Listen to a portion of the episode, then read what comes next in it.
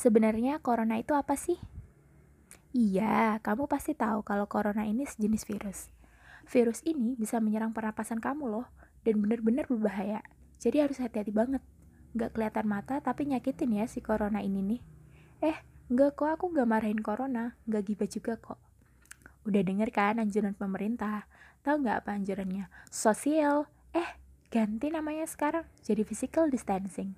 Physical itu fisik, distance itu jarak. Kalau digabung apa? Jaga jarak.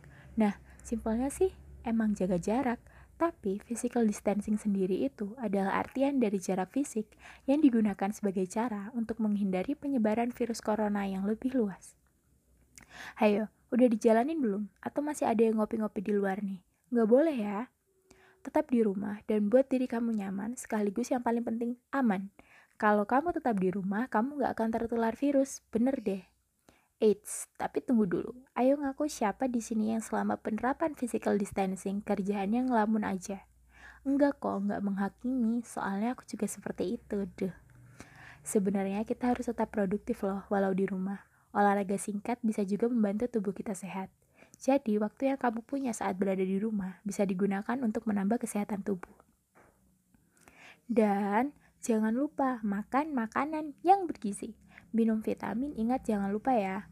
Oh iya, minum air putih yang banyak biar imun tubuh kita kuat dan virus susah buat masuk.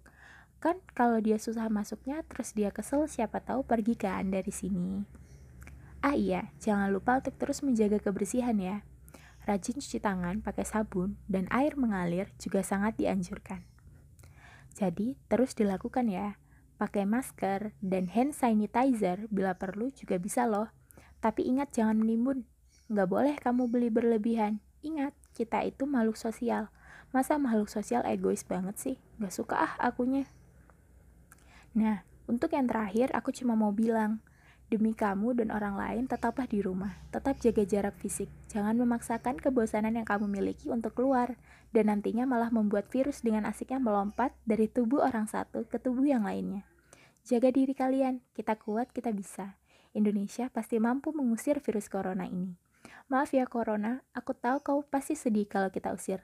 Tapi kita akan lebih sedih kalau keluarga dan teman-teman yang kita sayangi nantinya malah pergi setelah bertemu kamu. Terima kasih sudah mendengarkan podcast dari aku. Selamat menjalankan aktivitas di rumah saja. Dan bersama kita mampu lawan corona. Bye-bye.